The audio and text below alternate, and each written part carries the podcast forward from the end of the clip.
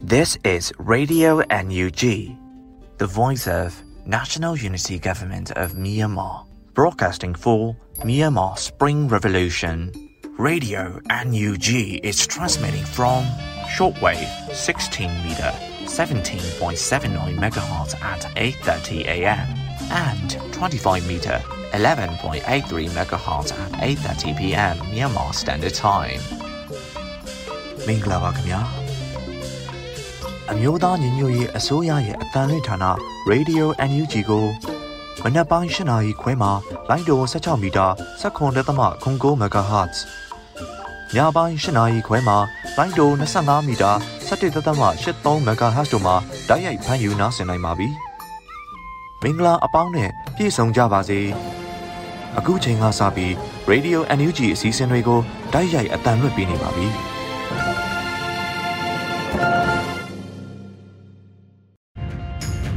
မြန်မာနိုင်ငံသူနိုင်ငံသားအပေါင်းတဘာဝပြီးဆရာနာရှင်ပြီးတို့ကနေကင်းဝေးပြီးကိုစိတ်နှပါဘေးကင်းလုံခြုံကြပါစေလို့ရေဒီယိုအန်ယူဂျီဖွယ်သားများကဆုတောင်းမြတ်တာပို့သလာရပါတယ်။အခုချိန်ကစပြီးကာကွယ်ရေးဝန်ကြီးဌာနရဲ့စီရေးသတင်းချင်းချုပ်ကိုတော့ຫນွေဦးလင်ကမှဖတ်ကြားတင်ပြပေးတော့မှာဖြစ်ပါတယ်ရှင်။စစ်ကောင်စီနဲ့တိုက်ပွဲဖြစ်ပွားမှုသတင်းတွေကိုတင်ဆက်ပေးကြပါမယ်။ကြားပြည်နယ်မှာ ဇန်နဝါရီလ၁ရက်နေ့ည7:00နာရီခန့်ကရိုက်ကော်မြို့နယ်ဒေါအုခုရက်ကွယ်စူပေါင်းခရိုင်ရုံးတွရှိစစ်ကောင်စီတပ်ကင်းမုံကို KNI Democratic တပ်ဦး KDF JPDF GZ21 ပူပေါင်းတပ်တို့မှတိုက်ခိုက်ခဲ့ရာစစ်ကောင်စီတပ်သား3ဦးသေဆုံးက9ဦးဒဏ်ရာရရှိခဲ့ကြောင်းသိရှိရပါတယ်ခင်ဗျာ။ဇန်နဝါရီလ1ရက်နေ့ညနေ4:30မိနစ်ခန့်က ဒီမော့ဆိုမြို့နယ်မြို့မရဲစကန်နီဖျားဝင်တွင်တက်ဆွဲထားတဲ့စစ်ကောင်စီတပ်ကို KNI တပ်မတော် KNDF KA ပူးပေါင်းတပ်တို့မှဝင်ရောက်တိုက်ခိုက်ခဲ့ရာစစ်ကောင်စီတပ်သား9ဦးသေဆုံးခဲ့ကြောင်းသိရှိရပါတယ်ခင်ဗျာ။စကိုင်းတိုင်းမှာ ဒီဇင်ဘာလ2ရက်နေ့မနက်9:50မိနစ်ခန့်ကကတာမြို့နယ်မိုးသားကြီးရွာအတွင်းမှာတက်ဆွဲထားတဲ့စစ်ကောင်စီတပ်များကိုစင်ကုံတိုင်းရွာနီးမှာပြည်သူ့ကာကွယ်ပူးပေါင်းတပ်ကပစ်ခတ်တိုက်ခိုက်ခဲ့ရာစစ်ကောင်စီတပ်သား9ဦးသေဆုံးခဲ့ကြောင်းသိရှိရပါတယ်ခင်ဗျာ။ ဇန်နဝါရီလ2ရက်နေ့နေ့လယ်3:30မိနစ်ခန့်ကချင်းတွင်းမြစ်အနောက်ဘက်ရှိစလင်းကြီးမြို့နယ်ညောင်မင်းကြီးရဲစခန်းကိုပြည်သူ့ကာကွယ်ပူးပေါင်းတပ်များကတွားရောက်ပစ်ခတ်တိုက်ခိုက်ခဲ့ရာစစ်ကောင်စီအရာရှိတူပါဝင်10ဦးကျော်သေဆုံးခဲ့ကြောင်းသိရှိရပါတယ်ခင်ဗျာ။ဇန်နဝါရီလ2ရက်နေ့မနက်09:20မိနစ်ခန့်ကရေဦးမြို့နယ်ပါရမီကျေးရွာအနီးရောက်ရှိလာတဲ့စစ်ကောင်စီတပ်များကိုပြည်သူ့ကာကွယ်တပ်ပေါင်းစုကပစ်ခတ်တိုက်ခိုက်ခဲ့ရာစစ်ကောင်စီတပ်သား9ဦးသေဆုံးခဲ့ကြောင်းသိရှိရပါတယ်ခင်ဗျာ။ ဇန်နဝါရီလ2ရက်နေ့နေ့လယ်2:45မိနစ်ခန့်ကမန္တလေးမှာဗမော်တို့စံတက်လာတဲ့စစ်ကောင်စီထောက်ပို့ရရင်ပုံညာနဲ့ပြရာရှင်နှစီကိုပြည်သူ့ကာဝေးတပ်ပေါင်းစုကပြစ်ခတ်တိုက်ခိုက်ခဲ့ပါတယ်။စစ်ကောင်စီများကလမ်းတစ်လျှောက်လုံးပြန်လည်ပြစ်ခတ်ခဲ့ရာစင်ကျွန်းရွာနီးမှာပြည်သူတူကြီးစားထိမှန်ခဲ့ကြောင်းသိရှိရပါတယ်ခင်ဗျာ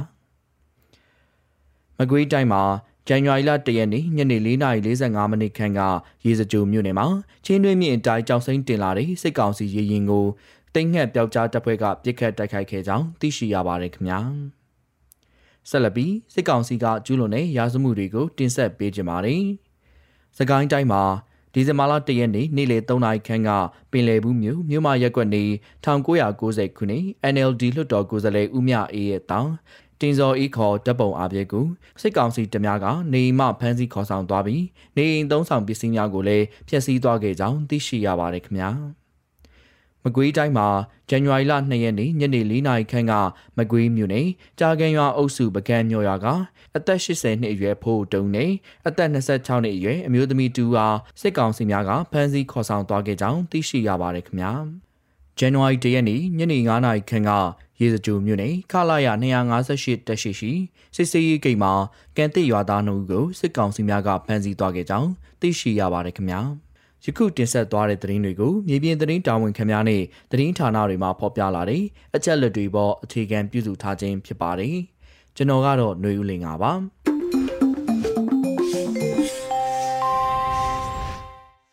ရေဒီယိုအန်ယူဂျီမှာဆက်လက်အသံလွှင့်ပေးနေပါတယ်။အခုဆက်လက်ပြီးနောက်ဆုံးရပြည်တွင်းသတင်းများကိုတော့ຫນွေဦးမှုမှဖတ်ကြားတင်ပြပေးမှာဖြစ်ပါတယ်ရှင်။ မင်္ဂလာပါရှင်ပြည်တွင်းသတင်းများကိုတင်ဆက်ပေးသွားမှာဖြစ်ပါတယ်ခုတင်ဆက်မဲ့သတင်းတွေကိုတော့ Radio NUG သတင်းတာဝန်ခံတွေနဲ့ခိုင်လုံတဲ့မိဘသတင်းရင်းမြစ်တွေကအခြေခံတင်ပြထားတာပဲဖြစ်ပါတယ်ကျမຫນွေဦးမော်ပါပြည်သူတွေဟာစစ်အုပ်စုရဲ့ဗိုလ်ကျလွှမ်းမိုးမှုကိုဒီပွဲမှာအပိသက်တိုက်ဖြတ်ဖို့တန်ဋိဌာန်ချပြီးဖြစ်တယ်လို့ကာကွယ်ဝင်ကြီးဦးရီမွန်ကပြောကြားလိုက်ပါတယ်။တမိုင်းတလျှောက်မှာအဆိုးဝါးဆုံးစစ်အာဏာသိမ်းမှုနဲ့ရက်စက်မှုတွေကိုကြုံခဲ့ကြတဲ့ပြည်သူတွေဟာ အနှစ်60ကျော်ရင်ဆိုင်ခဲ့ရပြီးဖြစ်တဲ့စစ်အုပ်စုရဲ့ဗိုလ်ကျလွှမ်းမိုးမှုကိုဒီပွဲမှာအပိသက်တိုက်ဖြတ်ဖို့တန်ဋိဌာန်ချနိုင်ခဲ့ပြီဖြစ်ကြောင်းမြို့သားညီညွတ်ရေးအစိုးရကာကွယ်ရေးဝန်ကြီးဦးရီမွန်က BBC သတင်းဌာနကိုထုတ်ဖော်ပြောဆိုလိုက်တာဖြစ်ပါတယ်။လွန်ခဲ့တဲ့2021ခုနှစ်မှာနိုင်ငံရေးဦးဆောင်မှုကဏ္ဍအတွက်အရေးပါတဲ့ CRPH, NUCC, NUG တို့ကိုဖွဲ့စည်းထူထောင်နိုင်ခဲ့ကြပါတယ်။ အနာဂတ်ဖက်ဒရယ်ပြည်ထောင်စုတပ်မတော်ကိုရှေ့ရှုတဲ့ပြည်သူ့ကာကွယ်ရေးတပ်မတော် PDF ကိုထူထောင်နိုင်ခဲ့တယ်။ PDF နဲ့လက်တွဲပြီးတိုက်ပွဲဝင်မဲ့ပကဖတွေ LDF တွေဟာလည်းတနိုင်ငံလုံးအတိုင်းအတာနဲ့ပေါ်ပေါက်လာခဲ့တယ်။စစ်ရေးပူးပေါင်းဆောင်ရွက်ဖို့ဗဟိုကုကဲရေးနဲ့ပေါင်းဆက်ညီနိုင်ရေးကော်မတီ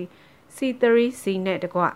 စစ်ရေးမဟာမိတ်စူးစီးမှုတွေဆောင်ရွက်နိုင်ခဲ့ပါတယ်။ပြည်သူတော်လှန်ရေးအပေါ်နိုင်ငံတကာရဲ့စာနာနားလည်မှုကိုလည်းယာယူနိုင်ခဲ့ပါတယ်။ ဒါတွေဟာ2021ခုနှစ်အတွင်းစ조사ရုံးကန်ခဲ့ရမှရရှိခဲ့တဲ့အတွေ့အကြုံကောင်းတွေဖြစ်ကြောင်းဦးရီမွန်ကရည်ညွှန်းပြောဆိုပါတယ်။ပြည်သူ့ကာကွယ်ရေးတပ်ဖွဲ့တွေနဲ့မဟာမိတ်တွေဟာနေမြေဒေသအချို့ကိုစိုးမိုးထားနိုင်ပြီးအဲ့ဒီဒေသတွေကိုအခြေပြုပြီးတော့ဂျာကာလဒေသန္တရပြည်သူ့အုပ်ချုပ်ရေးအာဏာထူထောင်မှုကိုလည်းတပြိုင်နက်တည်းအကောင့်အထည်ဖော်နေပြီဆိုတာလည်းပြည်သူကိုအသိပေးခဲ့ပါတယ်။အသက်နဲ့ဘဝတွေဆုံးရှုံးနစ်နာမှုတွေများခဲ့ရပေမဲ့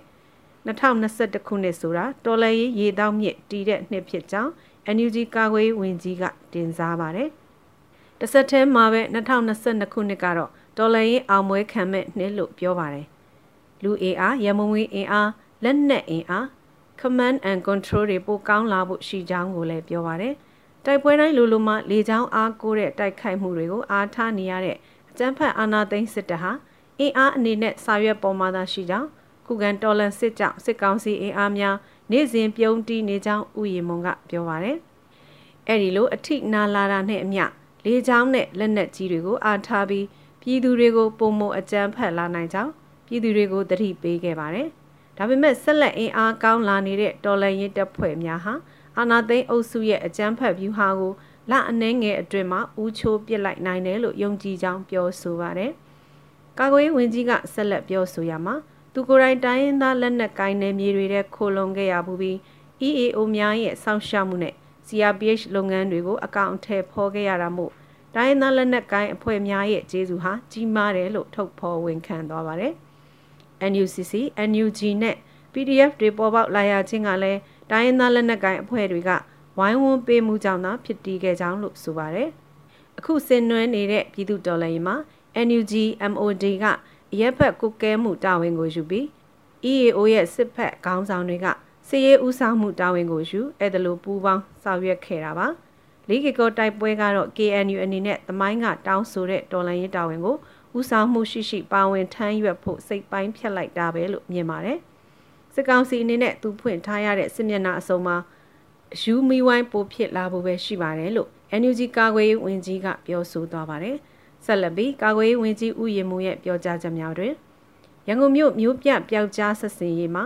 ကိုဂျင်မီနဲ့ကိုစရာတော်တို့အဖမ်းခံလိုက်ရတဲ့ဖြစ်စဉ်ကိုလည်းထည့်သွင်းပြောဆိုပါတယ်။အာနာသိန်းအုပ်စုရဲ့အမဲလိုက်တလို့လိုက်ခံနေရတဲ့လှုပ်ရှားမှုများမှာအခုလိုဖမ်းဆီးခံရမှုဟာအချို့ရဲဘော်များရဲ့မြေအောက်စီးမြင်စည်းကမ်းလိုက်နာမှုအားနည်းတဲ့အချက်ကြောင့်လည်းဖြစ်တယ်လို့ပြောဆိုခဲ့ပါတယ်။ဒီအားနည်းချက်တွေကိုပြန်သုံးသပ်နေပြီးလိုအပ်တာတွေကိုလည်းပြင်ဆင်နေတယ်လို့ဆိုပါတယ်။2022ခုနှစ်မှာ ဒေါ်လာရေးအောင်မြင်မှုအရေးအတွက် man power အနေနဲ့ပြောစရာမလိုအောင်ပြည့်စုံပါတယ်။အဓိကလိုအပ်နေတာ၄ခုရှိပြီးအဲ့ဒီလိုအပ်ချက်များကတော့ရန်မုံငွေလက်နက်မဟာမိတ်စုဖွဲ့မှုနဲ့ပူးပေါင်းဆောင်ရွက်မှုဗျူဟာပိုင်းတို့ဖြစ်ကြောင်းပြောဆိုသွားပါတယ်။ဥယျာဉ်မူဟာမြို့သားညီညွတ်ရေးအစိုးရရဲ့ကာကွယ်ရေးဝန်ကြီးတဦးဖြစ်ပြီး2022ခုနှစ်ဟာပြည်သူတို့ရဲ့ခုခံတွန်းလှန်စစ်အာဏာရှင်စနစ်အမြင့်ဖြတ်ရေးအတွက်ပန်းနိုင်ကိုရောက်မဲ့နှစ်ဖြစ်ကြောင်းကိုလည်းခံမှန်းပြောဆိုထားပါတယ်ရှင်။ 2962ခုနှစ်ကရင်အမျိုးသားနှစ်တကူးနေကို KNU ထိန်းချုပ်နယ်မြေတနေရာမှာကျင်းပခဲ့တဲ့အကြောင်းကိုဆက်လက်တင်ပြပေးပါမယ်။ KNU ကရင်အမျိုးသားအစည်းအရုံးစီယုံရေးနဲ့ပြန်ကြားရေးဌာနမှစီစဉ်ပြီးတော့2022ခုနှစ်ဇန်နဝါရီလ2ရက်တလေးလာဇန်1ရက်နေ့မှာကြာရောက်တဲ့2960ခုနှစ်မြောက်ကရင်အမျိုးသားနှစ်တကူနေကိုကျင်းပပြုလုပ်ခဲ့ကြောင်းသိရပါတယ်။ KNU ကရင်အမျိုးအသားအစည်းအရုံးထိန်းချုပ်နယ်မြေတနေရာမှာကျင်းပပြုလုပ်ခဲ့ကြတာဖြစ်ပြီးအခမ်းအနားအစီအစဉ်ကိုနနက်6နာရီအချိန်မှာစတင်ပါတယ်။အခမ်းအနားအစကိုဗိုလ်မှူးစောမိုးဇက်နဲ့ကွန်ပျူတာဖွဲ့မှဦးဆောင်ပြီးကရင်အမျိုးသားအလံတော်ကိုအလံတော်တိုင်းထိတ်သို့လွှင့်ထူခြင်းနဲ့စတင်ခဲ့ပြီးကရင်အမျိုးသားလွတ်မြောက်ရေးတပ်မတော်စစ်ဦးစီးချုပ်ရုံးဗဟိုမှဦးဆောင်ပြီးကရင်အမျိုးသားအလံတော်ကိုအလေးပြုခြင်းနဲ့ကြာဆုံးလေပြီးသောကရင်အမျိုးသားအာဇာနည်ကောင်းဆောင်ကြီးများ ရဲဘော်ရဲဘက်များနဲ့မိဘပြည်သူများအားအလေးပြုခဲ့ပါတယ်။အဲ့ဒီနောက်မှာတော့ KNU အထွေထွေအတင်းရမှုနှစ်ဘဒိုစောလာတွန်းမှ1960ခုနှစ်ကရင်အမျိုးသားနှစ်တကူနှစ်ပွဲတော်အခမ်းအနားအဖွင့်ကြိုးစုံနှုတ်ခွန်းဆက်စကားပြောကြားခြင်းကရင်အမျိုးသားနှစ်တကူနှစ်ဖြစ်ပေါ်လာပုံကိုဆီယမနော်သွဲဖော်မှပြောကြားခြင်း1960ခုနှစ်ကရင်မျိုးသားနှစ်တကူတို့ပေးပို့သော KNU ကရင်မျိုးသားအစည်းအရုံးဥက္ကဋ္ဌဗိုလ်ချုပ်ကြီး စောမူတူစေဖို့ရဲ့တဝေါ်လွာကိုနော်အနီအောင်ကရင်ဘာသာနဲ့စအောင်မျိုးထက်မြန်မာဘာသာတို့မှဖတ်ကြားခြင်း1960ခုနှစ်ကရင်အမျိုးသားနှစ်တကူနှစ်အားတစ်တစ်မင်္ဂလာကြိုဆိုခြင်းနဲ့ဂုဏ်ပြုစကားကို KNU ဗဟိုအလုံးမှုဆောင်ကော်မတီဝဲဘဒိုစောတမိန်ထွန်းနဲ့ KNU ဗဟိုကော်မတီဝင်ဘဒိုနော်ဒါရာစသည်တို့မှပြောကြားပြီး1960ခုနှစ်ကရင်မျိုးသားနှစ်သက်ကူးသို့ပေးပို့လာသော ကရင်အမျိုးသမီးအစည်းအရုံး KWO ရဲ့တဝန်လွှာကိုနော်ဆေးတမိုထုမှ၎င်းကရင်လူငယ်အစည်းအရုံး KYO ရဲ့တဝန်လွှာကို Source Steven မှ၎င်းဖတ်ကြားခဲ့ပါတယ်။အဲ့နောက် KNU စီယုံရင်းနဲ့ပြန်ကြားရေးဌာနဗဟိုဒုတာဝန်ခံဘရိုစောကလဲစေးမှကျေးဇူးတင်စကားနဲ့ဏီကုန်းချုပ်စကားကိုပြောကြားပါတယ်။ကရင်အမျိုးသားတခြင်းကိုဒီဆိုခြင်းဖြင့်1960ခုနှစ်မြောက်ကရင်အမျိုးသားနှစ်တကူနှစ်ရဲ့အခမ်းအနားအစီအစဉ်ကိုရုပ်သိမ်းခဲ့ကြပါတယ်။ ခမ်းနားအစီအစဉ်ပြီးမှတော့ကရင်ရွရနှစ်တကူအစားအစာများနဲ့တဲခင်းအခမ်းကျွေးမွေးခဲ့ကြပါတယ်။အဲ့ဒီလိုကျင်းပခဲ့တဲ့1960ခုနှစ်ကရင်အမျိုးသားနှစ်တကူနှစ်အခမ်းအနားကို KNU ကရင်အမျိုးသားအစည်းအရုံးမှခေါင်းဆောင်ကြီးများအချို့ကရင်အမျိုးသားကာကွယ်ရေးတပ်မတော်မှခေါင်းဆောင်ကြီးများအချို့နဲ့ဒေသခံပြည်သူလူထုများအပါအဝင်စုစုပေါင်းလူဦးရေ200ကျော်ခန့်အခမ်းအနားကိုတက်ရောက်ဂုဏ်ပြုခဲ့ကြပါတယ်ရှင်။ ဒေသကာကွယ်ရေးတပ်ဖွဲ့မှတော်ဝင်နဂါတက်တော် MRDA အဖြစ်သို့ပြောင်းလဲဖွဲ့စည်းလိုက်ကြောင်းသတင်းကိုဆက်လက်တင်ဆက်ပေးပါမယ်။ဘိုးနဂါဦးဆောင်ပြီးအာနာသိန်းအကြမ်းဖက်စစ်တပ်ကိုရွရွချွန်းချွန်းခုခံတော်လှန်နေတဲ့စကိုင်းတိုင်းပလဲဒေသကာကွယ်ရေးတပ်ဖွဲ့ကိုဇန်နဝါရီလ၁ရက်နေ့2022ခုနှစ်မှာမြမတော်ဝင်နဂါတက်တော်မြန်မာ Royal Dragon Army MRDA အဖြစ်ပြောင်းလဲဖွဲ့စည်းလိုက်တယ်လို့သိရပါတယ်။ စကိုင်းတိုင်းအတွင်းစစ်ကောင်စီကိုခုခံရမှလူတီများပြီးအောင်မြင်တဲ့မှတ်တမ်းကောင်းတွေကိုဗိုလ်နဂါဦးဆောင်တဲ့ပလဲမြို့နယ်ပြည်သူ့ကာကွယ်ရေးတပ်ဖွဲ့ PPDF ကရရှိထားခဲ့တာဖြစ်ပါတယ်။ခုတော့တနိုင်ငံလုံးလွှမ်းခြုံမဲ့မြမတော်ဝင်နဂါတက်တော်အဖြစ်ပြောင်းလဲဖွဲ့စည်းနိုင်ခဲ့ပြီဖြစ်ကြောင်းခေါင်းဆောင်ဗိုလ်နဂါကပြောပါတယ်။မြမတော်ဝင်နဂါတက်တော်အနေနဲ့မြို့သားညီညွတ်ရေးအစိုးရ NUG ကာကွယ်ရေးဝန်ကြီးဌာနနဲ့လက်တွဲလှုပ်ဆောင်သွားမယ်လို့လည်းသိရပါတယ်။ဒါအပြင်အာဏာသိမ်းစစ်ကောင်စီကိုတော်လှန်ရမှာ ပြည်သူလူထုရဲ့ကူညီထောက်ပံ့မှုနဲ့သာစတင်ခဲ့တာဖြစ်ပြီးလက်ရှိအချိန်မှာအထိုက်အလျောက်အောင်မြင်မှုတစ်ခုရရှိနေပြီဖြစ်ကြောင်းကိုလည်းခေါင်းဆောင်ဘိုးနဂါကပြောပါတယ်။ဆက်လက်ပြီးဒေါ်လာရေးကိုအချိန်အဟုန်မြင့်ဖို့ရည်မှန်းချက်နဲ့ We Love Dragon ဆိုတဲ့အဖွဲ့တစ်ခုကိုဖန်တီးပြီးဗန်နာရေးကိုဖျက်တင်းမှဖြစ်တာကြောင့်ယုံယုံကြည်ကြည်နဲ့ပံ့ပိုးပေးကြဖို့ကိုလည်းတော်ဝင်နဂါတက်တော်ခေါင်းဆောင်ဖြစ်သူက Rise New Media ကိုပြောကြားခဲ့ပါတယ်။လက်နက်ကင်ဒေါ်လာရမယ့်အနေအထားတရဖြစ်လာပြီးတဲ့နောက်မှာ ရရလက်နက်ကိုဆွဲကင်ပြီးတော့တော်လန်ခဲ့ကြဒါပေမဲ့လိုအပ်ချက်တွေထဲကနေပေါက်ဖွားလာတဲ့ပြည်သူဖြစ်တဲ့အတွက်ကျွန်တော်တို့မှာပြည်စုံလုံလောက်တဲ့လက်နက်ခဲရနေဖန်တီးဖို့ဆိုတာမရှိခဲ့အဲ့တော့ပြည်သူလူထုရဲ့ပံ့ပိုးမှုကူညီမှုတွေနဲ့ကျွန်တော်တို့မှာရန်သူကိုရင်ဆိုင်ဖို့လက်နက်ခဲရနေဖန်တီးရအဲ့ဒါတွေနဲ့ပဲတော်လန်ရေးကိုဆင်နွှဲလာခဲ့တာဒီနေ့ဆိုရင်ဖိုက်တဲ့နဲ့အောင်မြင်မှုတစ်ခုပြည်သူတွေအတွက်မျှော်လင့်ချက်ရောင်ကြီးတစ်ခုဖန်တီးပေးနိုင်တဲ့ အနေအထားထိရောက်နေခဲ့ဒါကလည်းအားလုံးသိတဲ့အတိုင်းပဲကျွန်တော်တို့ကိုယ်တိုင်ရှိတဲ့စီစဉ်ဥစ္စာအနေချင်းဆိုတာလဲဒီဒေါ်လာရေးထဲမှာထည့်သွင်းအသုံးပြုပြီးတဲ့နောက်ကုန်သွားပြီဒီအနေအထားထိရောက်လာဖို့ဆိုတာက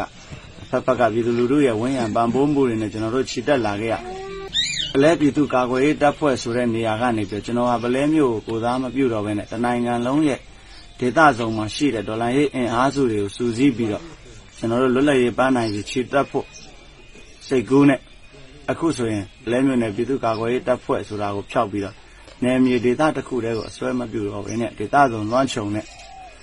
ဖွဲ့စည်းတစ်ခုဖန်တီးလိုက်တယ်အဲ့ဒါကတော့မြန်မာရိုင်းရဲ့တာကွန်အာမီလို့ခေါ်တဲ့မြန်မာတော်ဝန်ငကားတက်တော်ကျွန်တော်တို့ဖွဲ့စည်းထူထောင်လိုက်တယ်ဒီမှာပံပိုးလာတဲ့ငွေကြေးတွေကိုအသုံးချသွားမယ်အဲ့ဒီလိုအသုံးချပြီးတော့ဒီလိုသားသားကြိုးကြိုးစားစားနဲ့ပဲကျွန်တော်တို့တိုက်ပွဲဝင်မယ်ဒီသူလွတ်မြောက်ရေးကိုဖန်တီးမယ်လို့လည်းကတိပြုတယ် MRDA သည်စစ်အာဏာရှင်စနစ်ဆိုကိုအမြင့်ပြတ်ချေမုံရန်နဲ့ Federal Democracy နိုင်ငံတော်ကိုတည်ဆောက်ရန်ရည်ရွယ်ချက်ဖြင့်ဖွဲ့စည်းခဲ့ခြင်းဖြစ်ပါတယ်။အလားတူနိုင်ငံတော်ဝန်စစ်အုပ်ချုပ်ရေးရန်တရားလုံးဝပျက်စီးရဆိုင်သွားသည့်အထိတိုက်ခိုက်ချေမုံမယ်လို့ MRDA ဖွဲ့စည်းကြောင်းကြေညာချက်မှာကတိပြုထားပါတယ်။အဆိုပါကြေညာချက်ကိုဇန်နဝါရီလ၁ရက်နေ့ကထုတ်ပြန်ခဲ့တာဖြစ်ပြီးအတ္တဝါဒီအာရမဝါဒီတို့ရန်များမှကာကွယ်ရေး ပြည်သူတို့ရဲ့လွတ်လပ်ငြိမ်းချမ်းတဲ့ဘဝကိုဖော်ဆောင်မယ်လို့ရေးသားထားပါတယ်။ဘုံနဂါဥဆောင်တဲ့မြမတော်ဝင်နဂါတက်တော့ MRDA ဟာမူလက Play PDF အဖွဲ့အဖြစ်တိုက်ပွဲပေါင်းများစွာကိုရရလက်နဲ့ကင်ဆွဲပြီးအောင်မြင်မှုရယူထားနိုင်ခဲ့ပါတယ်။ပြည်သူတွေအနေနဲ့မိမိတို့လိုချင်တဲ့ဒီမိုကရေစီနဲ့လွတ်လပ်တရားမျှတမှုကိုလမ်းကြုံမလိုက်ဖဲမြည်သူကိုမှအာမကူပဲ ကိုယ်တိုင်ပါဝင်တိုက်ယူဖို့လိုတဲ့အကြောင်းရဲရဲတောက်ပြောကြားထားတဲ့အဖွဲ့လည်းဖြစ်ပါတယ်ရှင်။ပြည်သူဒေါ်လာရေးနှစ်2022အခမ်းအနားကိုကိုရီးယားသမ္မတနိုင်ငံဆိုင်ရာကိုယ်စားလှယ်ဦးရန်နိုင်ထွန်းနဲ့အဖွဲ့တက်ရောက်ဖွင့်လှစ်တဲ့သတင်းကိုဆက်လက်တင်ပြပေးပါမယ်။ပြည်ထောင်စုသမ္မတမြန်မာနိုင်ငံတော်မြို့သားညီညွတ်ရေးအစိုးရရဲ့ကိုရီးယားသမ္မတနိုင်ငံဆိုင်ရာကိုယ်စားလှယ်ဦးရန်နိုင်ထွန်းနဲ့အဖွဲ့ဟာ2022ခုနှစ်ဇန်နဝါရီလ1ရက်စနေနေ့မွန်းလွဲ3နာရီအချိန်မှာ ကိုရီးယားနိုင်ငံပူဖြောင်းခရိုင်ရှိဒီမိုကရက်တစ်အလုသမားသမဂ္ဂခမ်းမဆောင်မှာကျင်းပပြုလုပ်တဲ့ဆီယနာသိမ်းမှုစန့်ကျင်ရေးကော်မတီကိုရီးယားအဖွဲ့ကဦးဆောင်စီစဉ်တဲ့ပြည်သူတော်လှန်ရေးနှစ်2022အခမ်းအနားကိုတက်ရောက်ပြီးအဖွဲ့မှစကားပြောကြားခြင်း2022ခုနှစ်ကိုပြည်သူတော်လှန်ရေးနှစ်အဖြစ်ကြေညာပေးခြင်းတို့ကိုပြုလုပ်ခဲ့ပါတယ်။2022ခုနှစ်မှာတော်လှန်ရေးစိတ်ဓာတ်ကိုအမြင့်ဆုံးမြင့်တင်ပြီးအစွမ်းကုန်လှုပ်ဆောင်ကြဖို့တိုက်တွန်းနှိုးဆော်တဲ့ အဆိုပါပြည်သူတော်လှန်ရေးနှစ်2022ကြေညာဖွင့်လှစ်ခြင်းနဲ့တော်လှန်ရေးအရှိန်မြင့်တင်ခြင်းအခမ်းအနားကိုကိုရီးယားရောက်မြန်မာနိုင်ငံသား300ခန့်တက်ရောက်ခဲ့ကြကြောင်းသိရှိရပါတယ်။အခမ်းအနားကိုမြို့သားညီညွတ်ရေးအစိုးရရဲ့ယာယီသမရာကြီးဒူဝါလက်ရှိလပြည်ထောင်စုဝန်ကြီးများဖြစ်ကြသောကာကွယ်ရေးဝန်ကြီးဦးရီမွန်ကျန်းမာရေးနဲ့ပညာရေးဝန်ကြီးဒေါက်တာဇော်ဝေဆိုးနိုင်ငံသားရေးဝန်ကြီးဒေါ်စင်မာအောင် လူသားချင်းစာနာထောက်ထားရေးနှင့်ဘေးအန္တရာယ်ဆိုင်ရာစီမံခန့်ခွဲရေးဝန်ကြီးဒေါက်တာဝင်းမြတ်အေး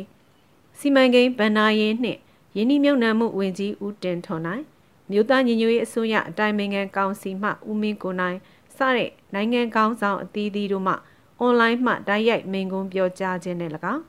ရုပ်သံများတဝန်လာများနဲ့၎င်းမိန်ကွန်းများအသီးသီးပြောကြားပေးခဲ့ကြပါတယ်။ကိုယ်စားလှယ်ဦးရနိုင်ထွန်းဟာဆီယနာသိမ်းမှုစန့်ကျင်ကော်မတီကိုရီးယားမှ မြို့သားညီညွတ်ရေးအစိုးရထံပေးအပ်လူဒန်းနဲ့စတုထအကြိမ်မြ one day challenge အလူငွေ American Dollar တသိန်းကို NUG အစိုးရကိုစားလက်ခံရယူပေးခဲ့ပါတယ်ရှင်။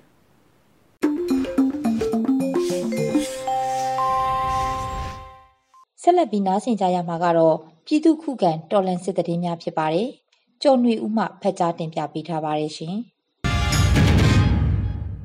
ပထမဆုံးတင်ဆက်မှာကတော့ ဝက်လက်မှာနှစ်ရက်တာတိုက်ပွဲအတွင်းစစ်ကောင်စီဘက်မှ40ဦးကျော်တေဆုံးပြီးတဲ့နောက်စစ်ရဟတ်ရင်နှစ်စီးဖြင့်ပစ်ခတ်ချိန်မှာ PDF ရဲဘော်တအူကြာဆုံးခဲ့တဲ့တဲ့တင်ပါ။စကိုင်းတိုင်းဝက်လက်မြို့နယ်မှာနှစ်ရက်တာတိုက်ပွဲအတွင်းစစ်ကောင်စီဘက်က40ဦးကျော်ကြာဆုံးပြီးတဲ့နောက်စစ်ရဟတ်ရင်နှစ်စီးဖြင့်လာရောက်ပစ်ခတ်ပြီးရဟတ်ရင်ဖြင့်ပစ်ခတ်မှုကြောင့် PDF ရဲဘော်တအူကြာဆုံးကြောင်းဝက်လက်ပြည်သူ့ကာကွယ်တပ်ဖွဲ့တပ်ရင်းနှစ်ကသတင်းထုတ်ပြန်ပါတယ်။ဒီဇင်ဘာလ31ရက်နေ့မွန်းလွဲ2နာရီကျော်မှာဝက်လက်မြို့နယ်အရှိချမ်းဖျားလေးကုန်းကြီးရွာအတွင်းတပ်ဆွဲထားတဲ့ စစ်ကောင်စီအင်အား80ခန့်နဲ့ PDF တပ်များအကြားအပြန်အလှန်ပစ်ခတ်မှုဖြစ်ပွားခဲ့ရာညနေ4နာရီမှာတိုက်ပွဲပြီးဆုံးခဲ့ကြောင်းအဆိုပါတိုက်ပွဲမှာစစ်ကောင်စီတပ်ဖက်က12ဦးခန့်တေဆုံးကြောင်းသိရှိရတာပါ။ဇန်နဝါရီလ1ရက်နေ့နနက်6နာရီမှစပြီးစစ်တပ်ကဖျားလေးကုန်းကြီးရွာရှိနေအိမ်များကိုလှည့်လည်မီးရှို့ကြောင်းနနက်7နာရီခန့်မှာ PDF ပူးပေါင်းတပ်ဖွဲ့များကစစ်တပ်ကိုဝင်ရောက်ပစ်ခတ်ခဲ့ရာညနေ9နာရီအထိတိုက်ပွဲပြင်းထန်ကြောင်းရင်းနောက်စစ်တပ်အင်အား30ခန့်ကရွာအရှိဘက်သို့ထွက်ပြေးရာ PDF ကလိုက်လံရှင်းလင်းစဉ်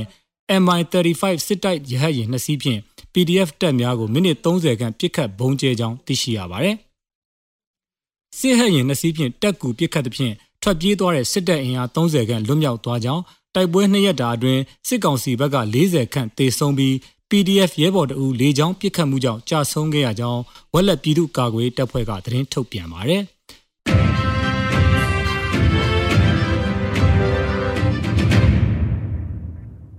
ဆက်လက်ပြီးရေဦးမှာပြည်သူ့ကာကွယ်ပူးပေါင်းတပ်နဲ့စစ်ကောင်စီတပ်များတိုက်ပွဲဖြစ်ပြီးစစ်သား9ဦးသေဆုံးတဲ့တဲ့တင်ကိုတင်ဆက်မှာပါ။စကိုင်းတိုင်းရေဦးမြို့နယ်ပါရမီကျေးရွာအနီးမှာယနေ့ဇန်နဝါရီလ2ရက်နေ့ပြည်သူ့ကာကွယ်ရေးတပ်ဖွဲ့နဲ့စစ်ကောင်စီတပ်များတိုက်ပွဲဖြစ်ပြီးစစ်ကောင်စီဘက်မှစစ်သား9ဦးသေဆုံးကြောင်းဒေသကာကွယ်ရေးတပ်ဖွဲ့မှတာဝန်ရှိသူတို့ကရန်ကုန်ခေတ်သစ်သတင်းဌာနသို့ပြောဆိုပါရယ် အဆိုပါတိုက်ပွဲဟာယနေ့နနက်10:20မိနစ်အချိန်မှာဖြစ်ပွားခြင်းဖြစ်ပြီးပြည်သူ့ကာကွယ်ရေးတပ်ဖွဲ့ကခုခံစစ်အခိုင်အမာပြုလုပ်နိုင်ခဲ့ကြောင်းစစ်ကောင်စီတပ်ဖွဲ့ဝင်9ဦးသေဆုံးကြောင်းသိရှိရပါတယ်။လက်ရှိမှာစစ်ကောင်စီတပ်များဟာတိုက်ပွဲဖြစ်ပွားရာပတ်ဝန်းကျင်မှကြေးရွာများသို့ဝင်ရောက်စီးနင်းမှုများဖျက်ဆီးမှုများလှုပ်ဆောင်နေပါတယ်။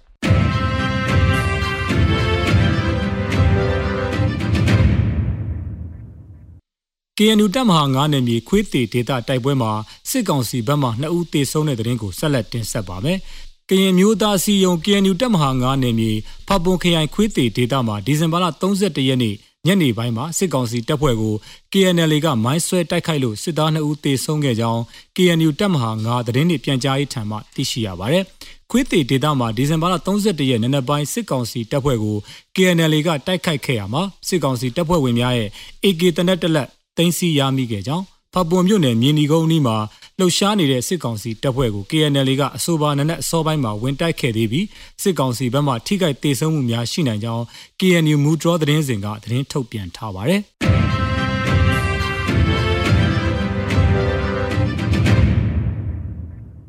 နောက်ဆုံးအနေနဲ့ အမျိုးသားညီညွတ်ရေးအစိုးရပြည်ထရေးနဲ့လူဝင်မှုကြီးကြပ်ရေးဝန်ကြီးဌာနက2022ခုနှစ်ဇန်နဝါရီလ2ရက်ရက်စွဲနဲ့ထုတ်ပြန်တဲ့ပြည်သူ့ခုခံတော်လှန်စစ်တရင်အချက်လက်တွေကိုတင်ဆက်ပေးသွားမှာပါ။အာနာသိန်းအကျန်းဖတ်စီအုပ်စုရဲ့ပြည်သူလူထုအပေါ်အကျန်းဖတ်ဖိနှိပ်ဖန်ဆီးတိုက်ခိုက်တပ်ဖြတ်နေမှုများကို ပြည်သူလူထုတရက်လုံးကအသက်ရှင်တန်ရေးအတွက်မိမိကိုယ်ကိုမိမိခုခံကာကွယ်ပိုင်ခွင့်အရာပြည်သူခုခံစစ် People's Defensive War ကိုဆင်နွှဲလျက်ရှိပါတယ်။တရင်အချက်လက်များအရတရက်တလ2022ရက်နေ့မှာစစ်ကောင်စီတပ်ဖွဲ့ဝင်63ဦးသေဆုံးပြီးထိခိုက်ဒဏ်ရာရရှိသူ32ဦးအထိခုခံတိုက်ခိုက်နိုင်ခဲ့ပါတယ်။ စစ်အာဏာရှင်စနစ်မြမအမျိုးပေါ်ကအပြည့်တိုင်ချုပ်ငင်းရေးနဲ့ Federal Democracy တိဆောက်ရေးအတွက်ငြိမ်းချမ်းစွာဆန္ဒပြတဲ့လူထုတပိတ်တိုက်ပွဲများကပြည်내နဲ့တိုင်းဒေသကြီးများမှာဆက်လက်ဖြစ်ပွားပေါ်ပေါက်လျက်ရှိပါတယ်။မြေပြင်မှာတော့ယခုတွေ့ရတဲ့သတင်းအချက်အလက်များထက်ပို၍ဖြစ်ပွားနိုင်ပါတယ်ခင်ဗျာ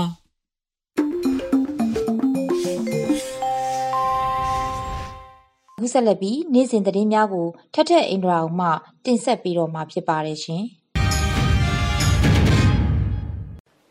အခုပထမအဆုံးတင်ဆက်ပေးချင်တာကတော့တိုင်းရင်းသားတွေညီညွတ်စွာစုပေါင်းထားတဲ့အင်အားကတော်လှန်ရေးအောင်မြင်ဖို့အတွက်အထက်မြက်ဆုံးလက်နက်လို့အမျိုးသားညီညွတ်ရေးအစိုးရပြည်ထောင်စုဝန်ကြီးချုပ်မန်ဝင်းခိုင်တန်းပြောကြားလိုက်တဲ့ဆိုတဲ့သတင်းမှာတိုင်းရင်းသားတွေညီညွတ်စွာစုပေါင်းထားတဲ့အင်အားကတော်လှန်ရေးအောင်မြင်ဖို့အတွက်အထက်မြက်ဆုံးလက်နက်ဖြစ်တယ်လို့ဒီကနေ့မှကြောက်တဲ့ကရင်အမျိုးသားနှစ်တကူနေ့ပေးပို့တဲ့တဝန်လာမှာအမျိုးသားညီညွတ်ရေးအစိုးရပြည်ထောင်စုဝန်ကြီးချုပ်မန်ဝင်းခိုင်တန်းကပြောကြားလိုက်တာပါ။ တောင်ပေါ်မြေပြင်ကြီးလက်မျိုးပြမချမ်းလူမမဲကလေးတငယ်များတက်ကြီးရွယ်ဦးများအမျိုးသမီးများလူငယ်လူရွယ်ចောင်းသားចောင်းသူများအမှုပညာရှင်များအာနာရှင်လက်အောက်ဒူးမထောက်ပဲစီဒီယန်လှုပ်ရှားမှုမှာပါဝင်ခဲ့ကြတဲ့နိုင်ငံဝန်ထမ်းများအလုသမားလယ်သမားများနေပယ်အသီးသီးမှအာနာရှင်ကိုနှီးမျိုးစုံနဲ့ခုခံတွန်းလှန်နေကြတဲ့တော်လှန်ရေးရဲဘော်များအားလုံးအခုကဲ့သို့စိန်ခေါ်မှုအမျိုးမျိုးနဲ့ရင်ဆိုင်နေရတဲ့အခါသမယမှာ တိုင်းရင်းသားပြည်သူအလုံးလည်းတဦးချင်းစီအရေးအသွေးစိတ်ဓာတ်တို့ဟာအထူးအရေးကြီးကြပါတယ်။တိုင်းသားပြည်သူတရက်လုံးညီညွတ်စွာစုပေါင်းလိုက်သောအင်အားဟာရေတော်ပုံကြီးအောင်မြင်ရေးအတွက်အထက်မြက်ဆုံးသောလက်နက်ဖြစ်ပါတယ်လို့ပြည်ထောင်စုဝန်ကြီးချုပ်မန်ဝင်းခိုင်တန်းကတဝန်လာထဲမှာထည့်သွင်းပြောကြားလိုက်တာပါ။ ဒါအပြင်ကရင်မျိုးသားဘိုးဘွားဘီဘီနီချမှတ်ခဲ့တဲ့ရိုးရာရင်ကျေးမှုဒလိထုံနှံအစဉ်အလာတွေကိုနောက်နှစ်ပေါင်းများစွာကဘာတီတ၍ဆက်လက်ထိန်းသိမ်းကြပြီးကောင်းမွန်မြင့်မြတ်တဲ့ကရင်အမျိုးသားစိတ်ဓာတ်နဲ့အတူပြည်ထောင်စုစိတ်ဓာတ်များကိုမွေးမြူက Federal Democracy ပြည်ထောင်စုကြီးဖြစ်ထွန်းပေါ်ပေါက်ရေးအတွက်တိုင်းသားညီကိုမောင်နှမအလုံးနဲ့လက်တွဲပြီးအောင်မြင်ပြီးဆုံးတဲ့အထိကြိုးပမ်းဆောင်ရွက်နိုင်ကြပါစေလို့လည်းစုမွန်ကောင်းတောင်းပေးထားတာကိုတွေ့ရပါတယ်။ အကြမ်းဖက်စစ်ကောင်စီရဲ့အဓမ္မအာဏာသိမ်းယူထားမှုကိုနိုင်ငံရဲ့အဝမ်းမှာခုခံဆန့်ကျင်တွန်းလှန်လျက်ရှိရာအမျိုးသားညီညွတ်ရေးအစိုးရနဲ့အတူတောင်ပေါ်မြေပြန့်တိုင်းသားပြည်သူတရက်လုံးပူးပေါင်းပါဝင်ခဲ့တာတွေ့ရပါတယ်။ပြီးခဲ့တဲ့နှစ်တွင်မှာပဲအကြမ်းဖက်စစ်ကောင်စီရဲ့ဥပဒေမဲ့တရားလက်လွတ်ပြုချင်မှုတွေကြောင့်ပြည်သူတရက်လုံးဘေးရန်တွေအမျိုးမျိုးနဲ့ရင်ဆိုင်ကြုံတွေ့ရချိန်မှာကရင်ပြည်နယ်သူပြည်နယ်သားတွေကပြည်ထောင်စုစိတ်ဓာတ်နဲ့ဖေးမကူညီပံ့ပိုးခဲ့ကြတာကျေးဇူးတင်ဂုဏ်ယူပွဲရကောင်းတယ်လို့ဖော်ပြထားပါတယ်။ ဒီကနေ့ကျရောက်တဲ့ကရင်တက္ကရာ2962ခုနှစ်မြောက်ပြောက်တိုလာဇန်တရက်ကရင်အမျိုးသားနှစ်သက်ကူနေ့မှာကရင်တိုင်းရင်းသားအလုံးကောင်းကျိုးချမ်းသာမင်္ဂလာအပေါင်းနဲ့ပြည့်စုံပြီးဘေကင်းလုံခြုံစွာနဲ့ကျန်းမာပျော်ရွှင်ကြပါစေကြောင်းလည်းအမျိုးသားညီညွတ်ရေးအစိုးရကတဝန်လာမှာဖော်ပြထားတာကိုတွေ့ရပါတယ်ရှင်။ကရင်နီအမျိုးသားတိုးတက်ရေးပါတီ KNPP နဲ့အတူလက်တွဲလှုပ်ဆောင်ဖို့အသင့်ရှိနေတယ်လို့အမျိုးသားညီညွတ်ရေးအစိုးရပြောကြားရဲဆိုတဲ့သတင်းကိုဆက်လက်တင်ဆက်ပေးပါမယ်။ KNY မြို့သားတိုးတက်ရေးပါတီ KNPP ဗဟိုအလုံးမှုဆောင်ကော်မတီထံကိုအမျိုးသားညီညွတ်ရေးအစိုးရကပေးပို့တဲ့တဝန်လာတွေမှာ KNPP နဲ့အတူလက်တွဲလှုပ်ဆောင်ဖို့အသင့်ရှိကြောင်းပြောကြားလိုက်တာပါဆရာနာရှင်နဲ့အာနာရှင်မှန်သမျှချုပ်ငြိမ်းရေးအတွက်အမျိုးသားညီညွတ်ရေးအစိုးရအပါအဝင်တိုင်းရင်းသားလက်နက်ကိုင်တော်လှန်ရေးအဖွဲ့အစည်းတွေ KNY ပြည်နယ်ကာကွယ်ရေးတပ်ဖွဲ့တွေ နိုင်ငံရေးပါတီတွေနဲ့ပူးပေါင်းဆောင်ရွက်မယ်လို့ဆွေးနွေးဆုံးဖြတ်ခဲ့ကြောင်းသိရတဲ့အတွက်အမျိုးသားညီညွတ်ရေးအစိုးရအနေနဲ့များစွာဝမ်းသာမိပါကြောင်းနဲ့အမျိုးသားညီညွတ်ရေးအစိုးရအနေနဲ့လည်းပါတီဥက္ကဋ္ဌခုဦးရဲ့ဦးဆောင်တဲ့ကင်းနီအမျိုးသားတိုးတက်ရေးပါတီနဲ့အတူလက်တွဲလှုပ်ဆောင်ဖို့အသင့်ရှိပါကြောင်းသတင်းစကားပါလိုပါတယ်လို့အမျိုးသားညီညွတ်ရေးအစိုးရကပေးပို့တဲ့တဝန်လာမှာဖော်ပြထားတာပါ။ ကရင်နီမျိုးသားတိုးတက်ရေးပါတီရဲ့14ချိန်မြောက်ပါတီကွန်ဂရက်ကို2021ခုနှစ်ဒီဇင်ဘာလ28ရက်ကနေဒီဇင်ဘာလ30ရက်နေ့ထိပြုလုပ်ခဲ့ပြီးတော့ဗဟိုကော်မတီအစည်းအဝေးကနေပါတီဥက္ကဋ္ဌအဖြစ်ခုဦးရဲကိုရွေးချယ်တင်မြှောက်လိုက်တာလည်းဖြစ်ပါတယ်။အကြမ်းဖက်စစ်ကောင်စီကကင်းနီလူမျိုးတွေကိုအစုလိုက်ပြုံလိုက်တပ်ဖြတ်မှုတွေညှဉ်းပန်းနှိပ်စက်မှုတွေနိုင်ငံတကာလူအခွင့်အရေးနဲ့လူသားချင်းစာနာမှုဆိုင်ရာဥပဒေတွေကိုချိုးဖောက်မှုတွေနဲ့ပတ်သက်ပြီးတော့လည်းများစွာစိတ်မကောင်းဖြစ်ရတယ်လို့လည်းတဝန်လာမှာဖော်ပြထားပါတယ်။ ဒါအပြင်2022ခုနှစ်နှစ်သစ်အခါသမယကနေကရင်နီမျိုးသားတိုးတက်ရေးပါတီရဲ့ရှေ့လုပ်ငန်းစဉ်တွေအောင်မြင်ပါစေကြောင်းလဲစုမငောင်းတောင်းပေးထားတာကိုတွေ့ရပါတယ်။အခုဆက်လက်ပြီးတော့အကြမ်းဖက်စစ်တပ်ရဲ့လက်အောက်မှာအလုလုဖို့ညှင်းဆန်တော်လှန်ခဲ့ကြတဲ့စီရီယန်ဝန်ထမ်းတွေကတော်လှန်ရေးသမိုင်းမှာမော်ကွန်တင်ကျင်းရင်မဲ့သူတွေလို့ပြည်ထောင်စုဝန်ကြီးဒေါခင်မမမျိုးပြောကြားလိုက်တဲ့ဆိုတဲ့သတင်းကိုတင်ဆက်ပေးပါမယ်။ အချမ်းဘတ်စစ်တပ်ရဲ့လောက်မှာအလုပ်လုပ်ဖို့အတွက်ညှင်းဆန်တော်လှန်ခဲ့ကြတဲ့စီရီယန်ဝန်ထမ်းတွေကနှွေဦးတော်လှန်ရေးတမိုင်းမှာမော်ကွန်တင်ကျင်းရင်မဲ့သူတွေဖြစ်တယ်လို့စီရီယန်ရဲဘော်တွေအတွက်နှစ်တစ်ကူနှုတ်ခွန်းဆက်လွှာပေးပို့တဲ့အထက်မှာအမျိုးသားညီညွတ်ရေးအစိုးရစီးပွားရေးနဲ့ကုသရေးဝန်ကြီးဝန်ကြီးဌာနပြည်ထောင်စုဝန်ကြီးဒေါ်ခင်မမမျိုးကပြောကြားလိုက်တာပါပြည်သူဝန်ထမ်းဆိုတာပြည်သူလူထုကိုတစ္ဆာခံရတာဖြစ်ပါတယ်ပြည်သူလူထုကရွေးချယ်ထားတဲ့ကိုစားပြုအစိုးရခေါင်းဆောင်များရဲ့မူဝါဒရေးရာဦးဆောင်မှုကိုခံယူပြီး သက်ဆိုင်ရာဝန်ကြီးဌာနများအလိုက်ဦးစီးဌာနများအလိုက်တာဝန်များကိုအကောင့်ထဲဖော်ဆောင်ကြရပါတယ်။ပြည်သူကိုဝန်ဆောင်မှုရှေ့ရှုစနစ်နဲ့အလုပ်အကျွေးပြုရပါတယ်။ဒါကိုသိမြင်နားလည်ပြီးဖက်စစ်စစ်တပ်ရဲ့လက်အောက်မှာအလုပ်လုပ်ရန်ညှင်းဆူဖီဆန်တော်လှန်ခဲ့ကြတဲ့အတွက်ရဲဘော်တို့ဟာຫນွေဦးတော်လှန်ရေးတွေကဂုံရောက်ပြောင်းသောသူရဲကောင်းများဖြစ်ပါတယ်။ စိတ်ဓာတ်မြင်မာပြီးအမှားအမှန်ခွဲခြားသိမြင်ခဲ့တဲ့စီရီယန်ရဲဘော်တို့ရဲ့တိုက်ပွဲတမိုင်းဟာလည်းမြမပြည်ရဲ့တော်လှန်ရေးတမိုင်းမှာမော်ကွန်းတင်ကျင်းရင်နေမှာဖြစ်ပါတယ်လို့စီရီယန်ရဲဘော်တွေအတွက်နှစ်တစ်ကူနှုတ်ခွန်းဆက်လွှာမှာပြည်ထောင်စုဝန်ကြီးဒေါခင်မမမျိုးကပြောကြားထားပါတယ်။နှစ်သက်မှာပြည်သူတော်လှန်ရေးကြီးအောင်မြင်မှုပပောင်းဆောင်ကနေဝိုင်းဝန်းကြိုးပမ်းသွားပြီးတဲ့အခါဖက်ဒရယ်ပြည်ထောင်စုတည်ကြီးကိုစီဒီအန်ရဲဘော်တို့နဲ့အတူတကွပြန်လည်တည်ဆောက်နိုင်ဖို့မျှော်လင့်နေဆိုပြီးတော့လဲဖော်ပြထားတာကိုတွေ့ရပါတယ်။ ဒါအပြင်ပြည်တော်စုဝင်ကြီးဒေါခင်မမမျိုးကစီရီယန်ရဲဘော်တွေနဲ့တသားတည်းရှိနေတယ်လို့ဆိုထားပြီးစီရီယန်ရဲဘော်တွေရဲ့ရင်ဘတ်ထဲကပြည်သူနဲ့တသားတည်းရှိနေတဲ့နှလုံးသားကိုပြည်သူအလုံးကလည်းအတိအမှတ်ပြုလေးစားနေတယ်လို့ပြောပါတယ်။အမျိုးသားညီညွတ်ရေးအစိုးရအဖွဲ့ရဲ့ခေါင်းဆောင်တွေကလည်းစီရီယန်တွေကိုလေးစားစွာနဲ့ဥညွတ်ဂုဏ်ပြုထားပြီးအချမ်းဘတ်ဆရာနာရှင်ကိုတွဲချိတ်ထားတဲ့ခိုင်မာတဲ့လက်တွေနဲ့ဝိုင်းဝန်းဖြိုဖျက်ဖို့အတွက်လည်းပြောကြားထားတာကိုတွေ့ရပါတယ်ရှင်။ မြန်မာနိုင်ငံသူနိုင်ငံသားအလုံးပဲဆရာနာရှင်ဘေးကနေအမြဲဆုံးလွတ်မြောက်ကြပါစေလို့ဆန္ဒပြုလိုက်ရပါတယ်။ကျေးဇူးတင်ပါတယ်ရှင်။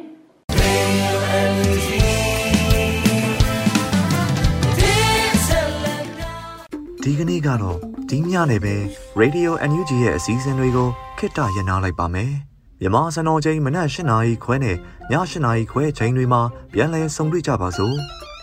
Radio NUG ကိုမနက်ပိုင်း၈နာရီခွဲမှာလိုင်းတို16မီတာ7.3 MHz ညပိုင်း8နာရီခွဲမှာလိုင်းတို25မီတာ17.83 MHz တို့မှာဓာတ်ရိုက်ဖမ်းယူနားဆင်နိုင်ပါပြီ။မြန်မာနိုင်ငံသူနိုင်ငံသားများကိုစိတ်နှပြကျန်းမာချမ်းသာလို့ဘေးကင်းလုံခြုံကြပါစေလို့ Radio NUG အဖွဲ့သူအဖွဲ့သားများကဆုတောင်းလိုက်ရပါတယ်။ အမျိုးသားညီညွတ်ရေးအစိုးရရဲ့ဆက်သွယ်ရေးသတင်းအချက်အလက်နဲ့ဤပညာဝန်ကြီးဌာနကထုတ်လွှင့်နေတဲ့ Radio NUG ဖြစ်ပါတယ်။ San Francisco Bay Area အခြေစိုက်မြန်မာမိသားစုများနဲ့နိုင်ငံတကာကစေတနာရှင်များလှုပ်အားပေးများရဲ့ Radio NUG ဖြစ်ပါတယ်။အရေးတော်ပုံအောင်ရမည်